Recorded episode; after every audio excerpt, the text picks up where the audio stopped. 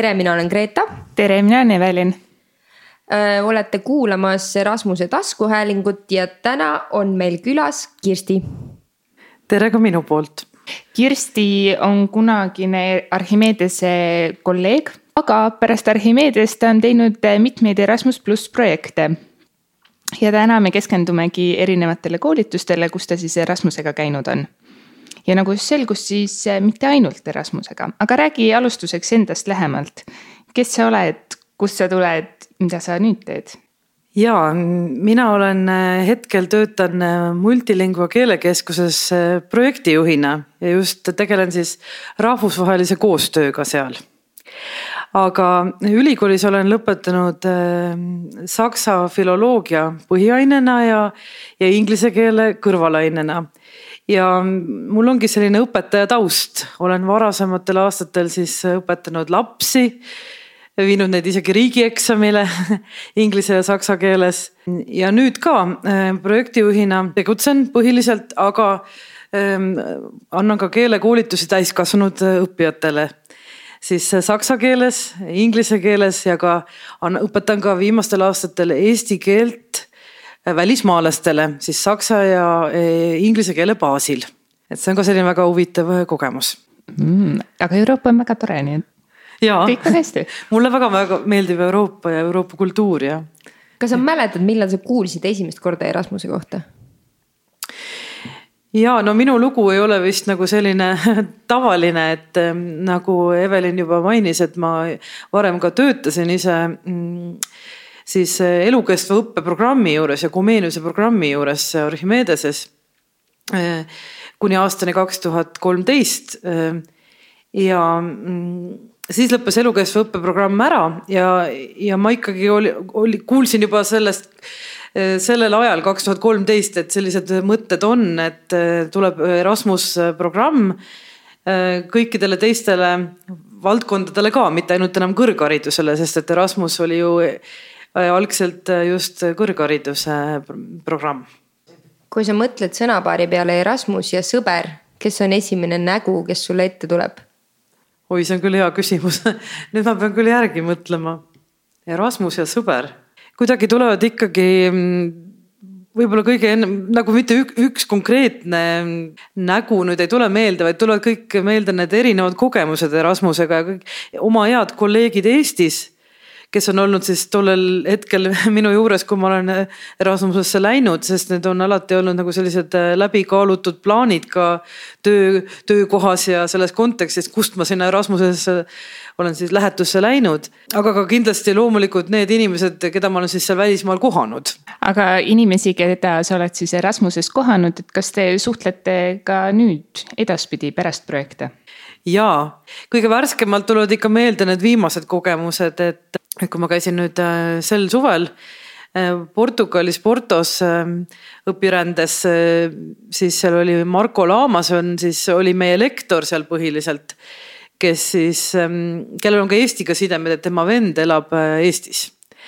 ja temaga me ikka aeg-ajalt kirjutame. ja räägime natuke täpsemalt sellest Portugali projektist, mis projekt see selline oli, mida ta endast kujutas? ja hea meelega, et ähm, ähm, see on siis kahe tuhande kahekümnendal aastal, sellel aastal siis veebruaris ähm, alustasin mina tööd Multilingua keelekeskuses projektijuhi ametikohal. ja siis ma kirjutasingi kokku õpirände taotluse. ja selle õpirände taotlusega saavad siis kolmteist meie õpetajat minna erinevatesse riikidesse siis täienduskoolitusele või töövarjuks ja veebruaris siis kaks tuhat kakskümmend esitasime taotluse ära ja me saime ka rahastuse, mis oli väga tore. ja, ja kolmteist õpetajat saavad siis jah minna sellega välismaale. aga mis selle projekti eesmärk siis on? kuhu need õpetajad lähevad kõik? Need õpetajad lähevad meil erinevates, väga erinevatesse riikidesse, me, riikide valik on väga-väga lai. Hispaania, Horvaatia, Läti ja nii edasi. et kõik need, kes õpetajad sinna on kaasatud, on siis väga läbimõeldult on, oleme seda teinud et siis nagu sellised võtmeisikud ähm, on kaasatud ka siis väga aktiivselt selle multilingua areng, arendamisega tegelevad, meil on äh, praegu hetkel ka et ähm, näiteks kooli juhataja muidugi, metoodik, mina projektijuhina ise ka aga ka me oleme vaadanud just, et me saaksime hõlmata selle projektiga erinevaid keelevaldkondi nagu siis inglise keele õpetajad, vene keele õpetajad, skandinavistikud ja nii edasi. et me püüame nagu võimalikult paljudele anda selle võimaluse ka ja mis on eesmärgiks, on muidugi ennast täiendada metoodiliselt eelkõige, sest et vahetada kogemusi siis oma välis kolleegidega teistes siis koolides ja esimest korda ka multilingu õpetajad, kolm inimest tahavad minna ka töövarjuks. Ja üks ja see on ka üks väga tähtis ja hea kogemus, et ähm, meil on üks Hispaania partner ähm, Andaluusiast. Ja sinna tahab minna siis meie õpetaja äh, töövarjuks ja need ja Andaluusia õpetajad tulevad ka vastu multilinguasse töövarjuks, vaatame, kuidas meie õpetame ja töötame ja tahamegi siis kogemusi vahetada ja, ja ka siis edaspidi projektitööd äh, jääda, et, selline võrgustik tekiks siis. ja tegelikult on juba see võrgustik tekkinud isegi ennem seda õpirändes käimist, sest et see Andaluusia partner on ka meie strateegilise koostöö partner, mis ja strateegilise projekti kirjutasime ka sellel aastal aprillis koroona ajal aga ilmselgelt enne, kui sa siis tööle said, oli sul juba varasemaid projektikogemusi, et räägi, mis kogemusi sul on siis Erasmus plussiga ja nagu me enne siin ähm, salvestama hakkamist jõudsime rääkida, siis ka Nord plussiga.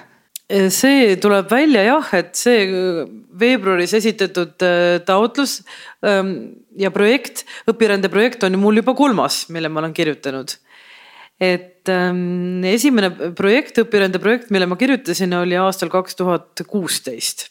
sellega ma siis käisin ise ka Saksamaal äh, Münchenis äh, töövarjuks just, et sellepärast ma ka hindan seda kogemust äh, koolis siis, mille nimi oli Sprachschule Aktiiv ja see oli küllaltki suur kool ja nad annavad päris palju, äh, õpetavad erinevaid keeli täiskasvanud äh, õppijatele ma vaatlesin siis seal tunde, äh, ise ka õpetasin äh, saksa keelt tasemel B2 isegi.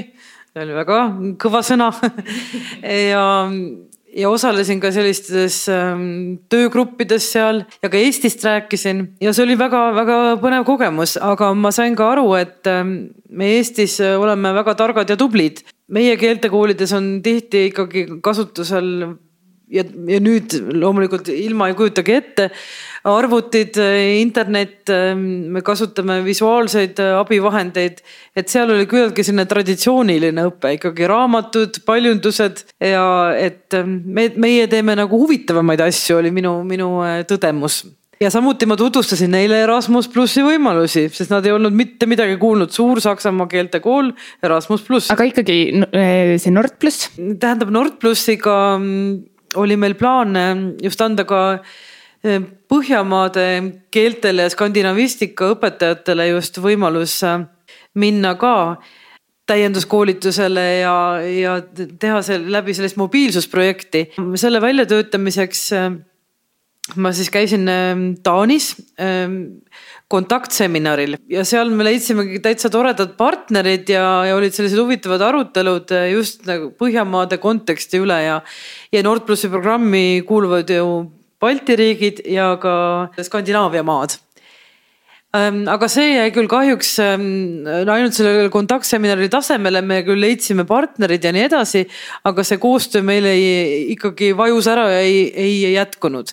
aga sellest ei ole midagi, ma sain vähemalt selle kogemuse, ma tean, mida see Nord pluss enda äh, tähendab ja mul on siiamaani ka veel sealt mõned kontaktid äh, sellest ajast veel olemas sest et ka nüüd multilingva tahaks Nord plussi hakata ka tegema ja nüüd ongi hea neid vanu kogemusi nende juurde tagasi tulla ja sealt need kontaktid ja ja teadmised kaasa võtta, et meil on plaan ka Nord plussi tegema hakata, et tegevused on ju väga sarnased nagu ka Erasmus plussis. aga just, et tõmmata tähelepanu Põhjamaade keeltele, mis on ju Eestiga väga seotud ja väga, me ju tahame ise ka olla Põhjamaa ja, ja see on ma arvan, väga tähtis ja oluline. Me tahame populariseerida multilingvas, nagu ka meie nimi ütleb, multilingva erinevaid keeli ja see on nagu väga hea võimalus. ja ma olen ka juba võtnud äh, ühe Rootsi partneriga ühendust, nii et meil on juba plaanid. Äh, sai on juba varsti ahjus kas sa räägiksid natuke sellest, äh, kui sa nüüd hakkasid oma neid projekte tegema äh,. kas need ootused, mis sul olid nendele projektidele, kas need vastasid nii-öelda tegelikkusele äh,? Või oli ka mingeid täiesti suuri üllatusi või ootamatusi? kõige värskem kogemus siis õpirändeprojekt kaks tuhat kakskümmend. seda mõjutab ju kahjuks ikkagi meil see koroona et nagu uhke tunne on öelda jah, kolmteist õpetajat peavad minema siis selle projektiga meil Euroopasse ennast täiendama, aga äh, ära olen käinud nüüd äh, reaalselt äh, projektiga ainult mina. Ja kõik õpetajad tegelevad, ähm, igaüks siis oma kursuse korraldajaga peab ähm, siis meilisidet ja, ja arutavad, millal nad siis saavad minna, aga kõik lähetused ikkagi tundub, et lükkuvad pigem äh, kevadesse, suvesse kaks tuhat kakskümmend üks. aga kui sa mõtled nüüd oma kõige esimese kogemuse peale, kuidas seal oli see ootuste? ja see oli siis see, see töövarjuks käimine Saksamaal keeltekoolis. no ma ootasin natukene rohkem, et ma saaksin ise midagi nendelt rohkem õppida. aga see kogemus ma väärtustan ikkagi, et kuna ta oli esimene kogemus ja ma sain oma, oma kooli seal esindada, ma sain ikkagi näha, kuidas teised töötavad et noh, mu ootus oli võib-olla see, et ma saan sealt ise mingeid huvitavaid materjale konkreetselt või mingeid huvitavaid äh, selliseid asju, mida meil nüüd üldse ei ole Eestis, et midagi sellist erilist. et, et sellist nagu väga erilist seal ei olnud, et oli selline traditsiooniline keeleõpe aga eriline oli see, et, et nagu ma ütlen, et mina sain hoopiski neid kutsuda siis Erasmus pluss programmi ja, ja pakkuda välja koostööd tänu Komeeniusele sa ikkagi olid selle Erasmuse maailmaga kursis. aga sa hüppasid ikkagi küllaltki pea ees vette ja hakkasid projekti kirjutama, et kui keeruline see oli? ikka esimest korda oli ikkagi tükk möllamist aega oli ka väga vähe jäänud, et äh, ütlen ausalt, et selle, selle esimese projekti sai kirjutatud kokku ka alla kuu ajaga. vähem kui kuu ajaga, mis on väga-väga lühike aeg ja tundus, et nii palju on lugeda neid äh, dokumente ja asju. Äh, kuigi see asi ei olnud üldse nii hull, aga ta alguses oli ikkagi tükk tegemist, et äh, et kõik ähm, korrektselt esitatud saab ja natukene selline närvide mäng, et aga samas oli nagu ikkagi väga suur nagu lootus, et ikkagi, et äkki läheb see projekt läbi ja et, et kaotada ei ole midagi et ainult võita, et proovime, et sellise nagu algaja julgusega lendasime, lendasin peale sellele asjale. Sa oled juba rääkinud kõikidest neist kontaktidest, mis sa oled tänu Erasmusele ja Nord plussile saanud, aga, aga mis sa siis veel võitnud oled?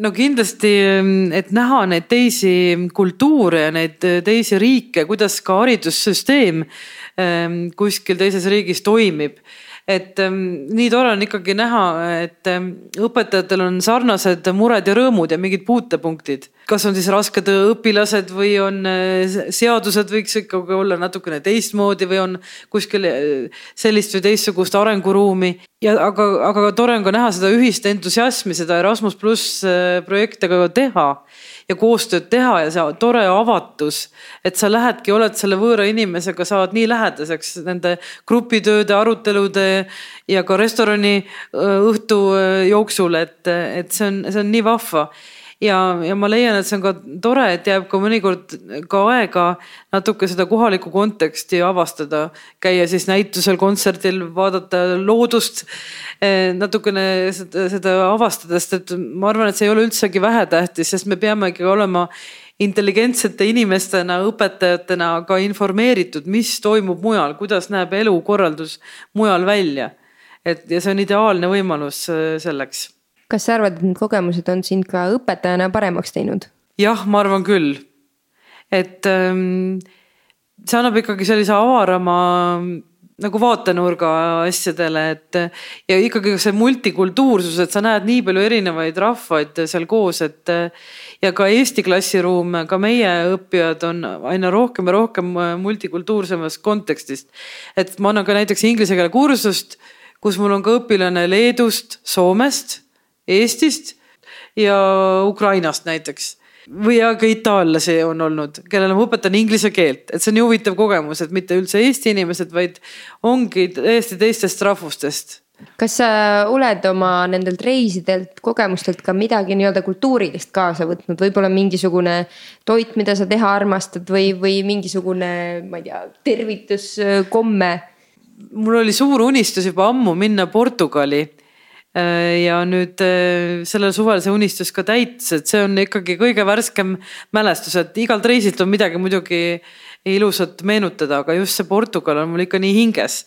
sest et ähm, mulle väga meeldib see Fado muusika, ma käisin kunagi Jazz Carel festivalil ja, ja see oli niisugune ma arvan, et enne jõule just vahetult selline aeg, kus hing on hell ja oled avatud sellisele tundlikule maailmale ja ja seal oli üks Fado laulja, kes oli nii ilus naine eh, Portugalist, kes oli ilus kleit seljas, ta laulis nii lummavalt, ta seletas ka, mida need laulude sõnad tähendavad, sest portugali keelt ma kahjuks ei oska ja, ja see oli just nagu sellistest meresõitjatest ja tekkis nii suur seos ka Eesti ja Portugali vahel. ja see tundus nii huvitav ja põnev, et selline soov oli küll näha seda kultuuri ja mulle ka soojad maad meeldivad. mul kuida- ja päike ja, ja ka sellepärast oli ammu unistus minna ja nüüd oligi võimalik, et mul oli nii hea meel, et ma leidsin sellise huvitava kursuse just, just Portugalis. Ja, ja noh, ikkagi Portugali vein on väga hea või ka see nata, need küpsetised, et nüüd on isegi Portugali vist mingi pood tekkinud ja ma olen näinud isegi mõnes kohvikus ka neid nata neid maiustusi või neid kooke müügil, et äh, nii tore on äh, süüa seda äh, koogikest, juua kohvi ja mõelda Portugali mälestustele. kui sa peaksid Erasmust nii-öelda reklaamima või maha müüma mõnele oma tuttavale, et nüüd kirjuta ka projekt, et proovi, et nüüd, et see, see on seda kõike väärt, siis mis looga või kogemusega sa, sa reklaamiksid? Sa mõtled, mis ähm, omaenda, mis kogemus, millise nendest, ma arvan kõigiga, et ikkagi anda edasi kõik need erinevad äh, tahud. Et äh, see töövarju kogemus on ühtemoodi, äh, organiseeritud kursusel käimine nagu sel aastal Portugalis on jällegi hoopis teistmoodi. see nüüd ka sõltub muidugi, kellele ma seda reklaamin, et kas see inimene on juba varem reisinud ja käinud täienduskoolitustel välismaal või ta on äh, hoopiski algajaõpetaja, et kindlasti algajatele õpetajatele ma väga soovitaksin Erasmus pluss läbi teha. et saada avaram vaade ja, ja loomulikult ka äh, ma olen projektijuhi ametis Multilinguas ja me arendame ähm, meie keeltekooli ja äh, töötame välja rahvusvahelist strateegiat just hetkel ka ja noh, meil on see ülivajalik käia Erasmusega väljas ja, ja näha, mida teised koolid teevad, me saame vaadelda seda ka, kuidas toimub seal see administreerimine, juhtimine, kuidas saavutatakse töötajate rahulolu kas töötajad on rahul, rahul või miks või mis motiveerib õpetajaid, mis motiveerib õppijaid ja nii edasi. ja lisaks Erasmus, Multilingua pakub ju ka Erasmus pluss kursuseid ise. Meil on coaching'u teema, me pakume ka vene keele õpetajate metoodikakursust. samuti me tahame ka näidata eurooplastele, mis on siis selle PISA testide eh, taga, et miks Eesti õpilased on edukad, et me tahamegi Eestit tutvustada ja me väga noh, kutsume ka Erasmus pluss eh, programmi kaudu Eest, eh, ühesõnaga Eestisse siis teisi välisõpetajaid ja, ja siis ja ongi minul ka väga tore oli just vaadata, kuidas oli siis see kursuse korraldaja korraldanud selle kursuse, millised tegevused oli plaaninud, ähm, kuidas kogu protsess toimis, kuidas ta reageeris selles koroona olukorras, millega me, siis me peame praegu silmitsi seisma. Et ähm, see oli väga tähtis ka näha seda just seda kursuse korraldamist, kuna me ise kursuseid ka korraldame et ähm, see, see pool oli ülitähtis ka sel aastal. sa mainisid PISA teste ja seda, miks, miks Eestis nii-öelda, miks Eesti nii kõrgel kohal on äh, oleks väga huvitav teada, miks on Eesti nii kõrgel kohal PISA testides? no ma arvan, meil on väga andekad lapsed ja head õpetajad ja noh, multilingua töötajaskond ju koosneb ka ja tegelikult on igapäevaselt üldhariduskoolide õpetajad et see meie töötajaskonna baas on ikkagi üldharidusvaldkonnas tuleb väga palju, et me teeme ka üldharidusvaldkonnaga väga tihedat koostööd. ja me ju näeme, et need, needsamad õpetajad õpetavadki neid häid PISA testide tulemusi saavutavaid õpilasi, nii et. kas, kas näiteks sinu Erasmuse kaudu õpitud oskused, teadmised on nii-öelda sellises kriisisituatsioonis, mis on ju mõnevõrra nii-öelda ka ikkagi tundmatus kohas vette hüppamine. kas, kas nendest on abi, kas sa tundsid koroona ajal, et nendest on abi? mm. -hmm. ma arvan küll, sest et ähm, loomulikult eriti need esialgsed kogemused, et minna Erasmusega äh, täienduskoolitusele, et ähm, on ikkagi selline ärevus sees, et äh, sa lähed teise riiki ja sa lähed ähm, tihtipeale ikkagi lähevad ka Eesti õpetajad just üksinda kuhugi lähetusse nagu, nagu ka mina läksin. ja sa pead olema nagu kõigeks valmis kõigiks riskideks, kas võib olla ainult reisimisega seotud, turvalisusega seotud. samuti, et kuidas siis ähm, see kogu see protsess nagu hästi ära teha, et. et saada need tulemused, need täita need eesmärgid, saavutada need eesmärgid, mida oleme seadnud selle projektiga. Et kõik need, see intellektuaalne aspekt, mida ma tahan saavutada, pluss see, et ma lähengi, ähm, hüppangi tundmatus kohas nagu vette ja ujun sealt välja ja sama analoogia oli ka ju selles äh, kriisisituatsioonis ja ma vaatasin need õpetajad, Eesti on ju nii väike, kõik tunnevad kõiki. Need olid ikka paljud need inimesed ka, kes ongi väga aktiivsed, äh, tegelevad projektidega, tegelevad enda arendamisega. Kes on nii-öelda, kellel on kogemus erinevate projektidega, erinevate situatsioonidega, kes on nii üht-teist läbi teinud, neil ongi lihtsam kriisis toime tulla. et sellepärast ma arvan küll, et äh, see kindlasti aitab. kui sa oled üksinda läinud äh, Erasmuse projekti, kas sa oled mõelnud, et sa oled ainus eestlane, kellega mm, projektikaaslased siis võivad kokku puutuda? Ja see on muidugi eriline tunne ja sageli see nii on, et et oledki üksinda seal ja esindadki Eestit. et äh, see on väga tähtis, milline inimene sa oled, et ma ikka püüan olla alati selline positiivne ja avatud ja ja ikkagi ka oma riiki esindada, et ma ei esinda nagu oma asutust ainult ega, ega iseennast, vaid ka Eesti Vabariiki. ja kutsun alati neid inimesi ikkagi ka külla ja neid õpetajaid Eestisse ja, ja ka multilinguasse ja loomulikult äh, ikka püüan ikka Eestile reklaami teha nii nagu saan kas sul on äh, kujunenud välja ka mingisugused nii-öelda märksõnad, mida sa Eesti kohta räägid, mingisugused äh, faktid, mingid äh, mõtted? no ikkagi, eks me muidugi mainime alati neid digipädevusi, mis meil on ja et Skype on algselt siis Eestist pärit ja, ja et meil on ilusad metsad, ilus loodus, meil on saared, meri et see on väga eriline väga nii mitmegi riigi jaoks, kus näiteks merd ei ole või suurte riikide jaoks, kus on merepiiri väga vähe. aga no ikka erinevaid aspekte, et see sõltub ka, et kellele mis nagu huvi pakub, et vaatadki inimesele peale ja siis äh, tead, mis nuppu vajutada aga kas sind on ka üllatanud midagi, mis, mida Eesti kohta teatakse? Mind väga üllatas see, et ma nägin seal tihti inimesi, keda Erasmusega kuskil käies, kes on kuidagi Eestiga seotud ikkagi. et näiteks ka Münchenis, München on tohutu suur linn ja seal on väga palju erinevaid rahvusi elab loomulikult. ja esi- ja ma läksin siis, tahtsin minna, käisin, tulin hotellist siis välja, tahtsin minna siis kursusele, tähendab töövarjuks siis sinna kooli ja sellel teekonnal siis esimene inimene, keda ma kohtasin, oli minu enda endine õpilane, üks Brasiilia tüdruk, kes siis äh, õppis minuga eesti keelt Eestis aga ta nüüd kolis sinna Saksamaale ja, ja ootas tööintervjuud ja oli seal kuskil ukse taga äh, ärevust täis ja siis me kallistasime, rääkisime. see oli nii naljakas tunne, see oli nii tore tunne. kusjuures minul on juhtunud kunagi selline lugu, et äh, ma olin Ühendriikides olin äh, kusagil neljaks tunniks äh, Washingtonis, me olime parajasti ummikus ja kuna ma ise ei olnud autoroolis, ma sain ringi vaadata ja vaatasin aknast välja ja siis nii-öelda vastassuunas ka auto seisis.